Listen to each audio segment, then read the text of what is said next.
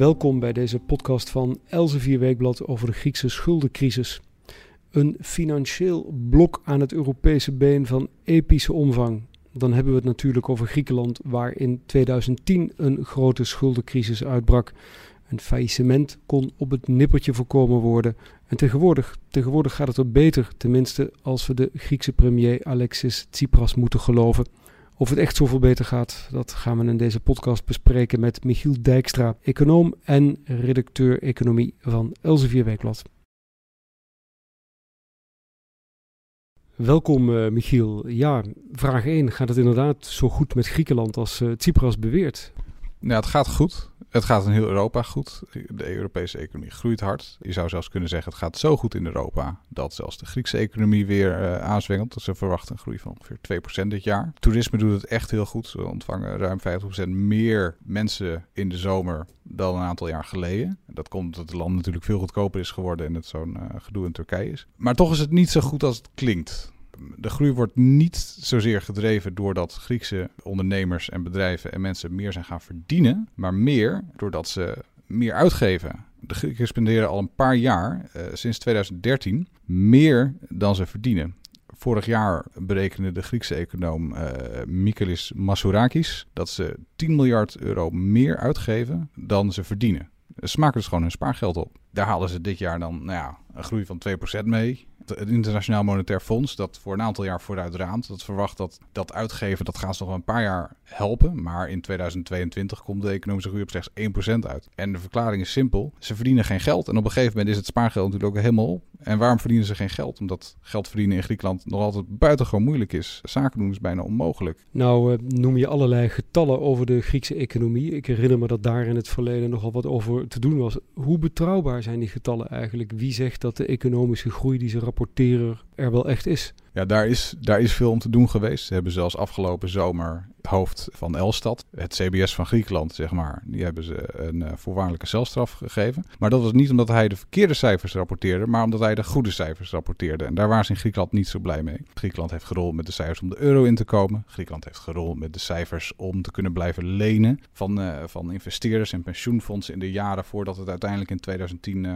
ontplofte. En ja, veel wijst erop dat ze die cijfers uh, gewoon verzonnen. Uh, ik las een poosje geleden een boek, uh, dat heet GDP, A Short But Affectionate History, van econoom Diana Coyle. En die haalt er een econoom aan die in 2002 op bezoek ging bij het Griekse CBS. Nou, dat bleek in een buitenwijk van Athene te zijn, waar verder geen bordje voor de deur hing en waar paar mensen achter bureau stonden, maar waar bijvoorbeeld geen computer te zien was. Ja, met de crisis is dat veranderd, want die man die, uh, is, uh, die dus een schuld heeft gekregen, uh, Andreas Georgiou, die heeft ervoor gezorgd dat voor de eerste keer sinds Griekenland lid werd van de eurozone, Eurostat, het statistisch bureau van de Europese Unie, zei, nou, dit, dit ziet er betrouwbaar uit. Dit zijn cijfers, volgens mij zijn ze goed berekend. Dat, is, dat was nooit eerder voorgekomen. Maar goed, is dan de vraag, zijn ze nu nog steeds betrouwbaar? Tsipras zegt nu vrij stellig: wij kunnen in 2018 weer zelfstandig geld gaan lenen op de financiële markten. Maar ik vraag me dan af: wie durft dat land geld te lenen? Kun jij dat uitleggen? Nou goed, ik zou ze zelf geen geld geven. Al doe ik dat indirect als Nederlandse belastingbetaler natuurlijk wel. Maar ja, als je kijkt naar de stemming op de financiële markten.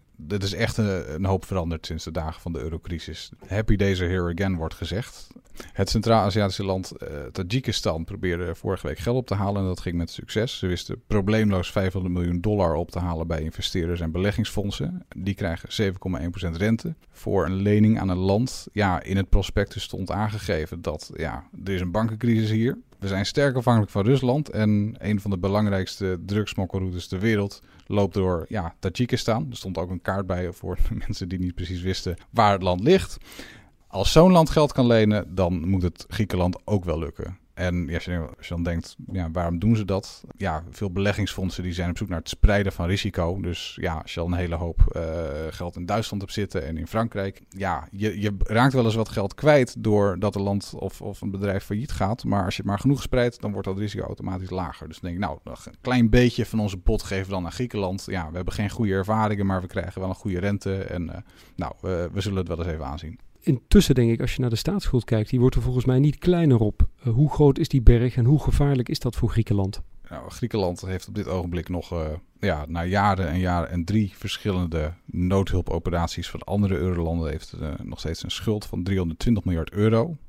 Dat is voor een groot deel nu aan een schuld aan andere landen in plaats van investeerders. En om even een idee te geven hoe groot het is. Het is 100 miljard euro minder dan de Nederland aan staatsschuld heeft. Die heeft 420 miljard euro. Maar de Griekse economie is wel tien keer zo klein als de Nederlandse. Dus het is, een, het is echt een waanzinnig bedrag. Maar je moet wel bedenken, die, die, die schuld is wel veel makkelijker te betalen dan de Nederlandse. Want uh, Griekenland heeft over de afgelopen jaren allerlei douceurtjes gekregen. Van, nou ja, je mag iets minder rente betalen, je mag het later, uh, mag het later terugbetalen. In, in, in de praktijk komt het erop neer, die schuld is iets lager uh, dan die 320 miljard.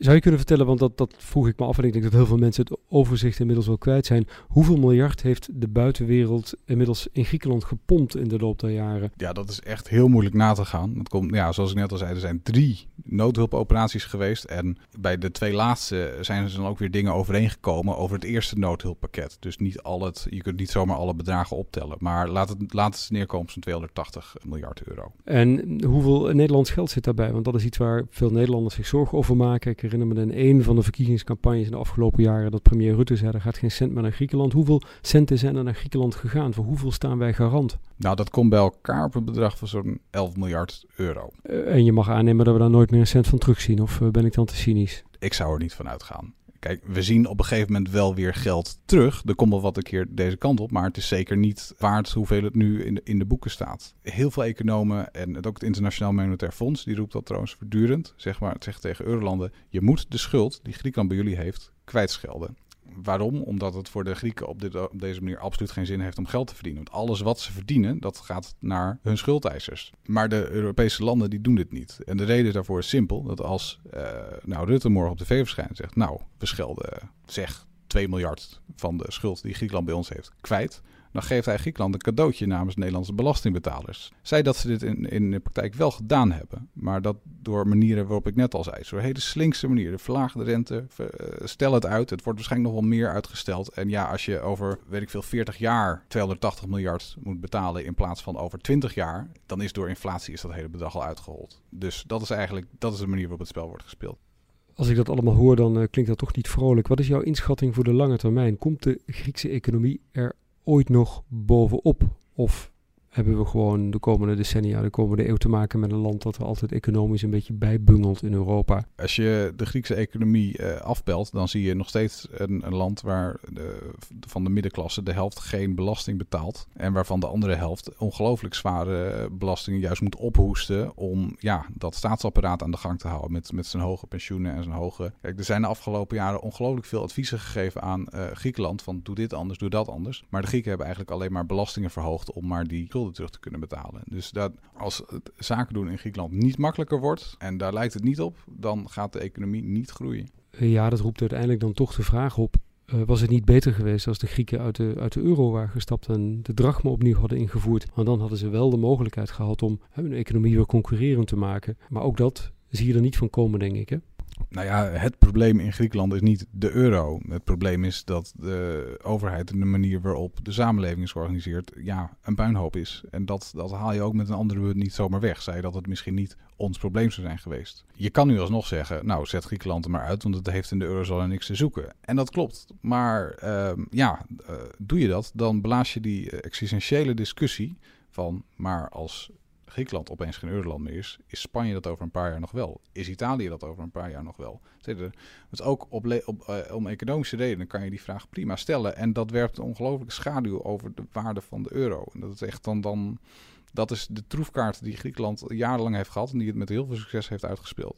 Je kunt wel als Europese regeringsleiders zeggen: vanaf nu gaan we die no-bailout clausule compleet serieus nemen. Als er nu opnieuw een land in de problemen komt, dan gaat er geen cent van Duitse of Nederlandse of Belgische belastingbetalers naar dat land. Dat doen we niet meer. Dat is klaar.